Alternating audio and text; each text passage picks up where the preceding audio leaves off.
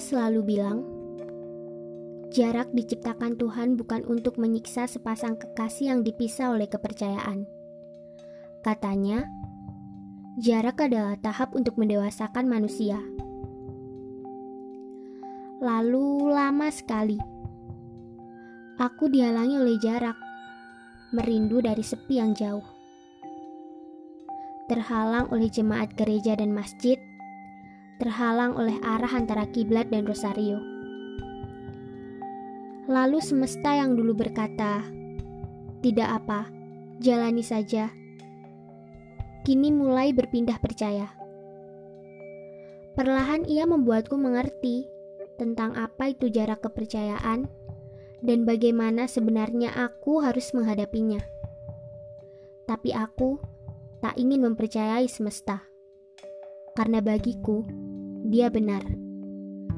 Jarak tidak dibuat untuk memisahkan. Jarak dibuat untuk mendewasakan. Tapi akhirnya aku lelah dan sampai di titik ini. Titik di mana dahulu merindu adalah candu paling syahdu, kini perlahan sirna menjadi abu. Semesta jahat, begitu pikirku. Padahal dulu ia begitu mendukungku menjadikan rindu adalah candu paling syahdu yang pernah ku coba.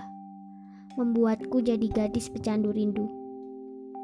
Tapi semesta benar, ini saatnya aku dewasa bukan?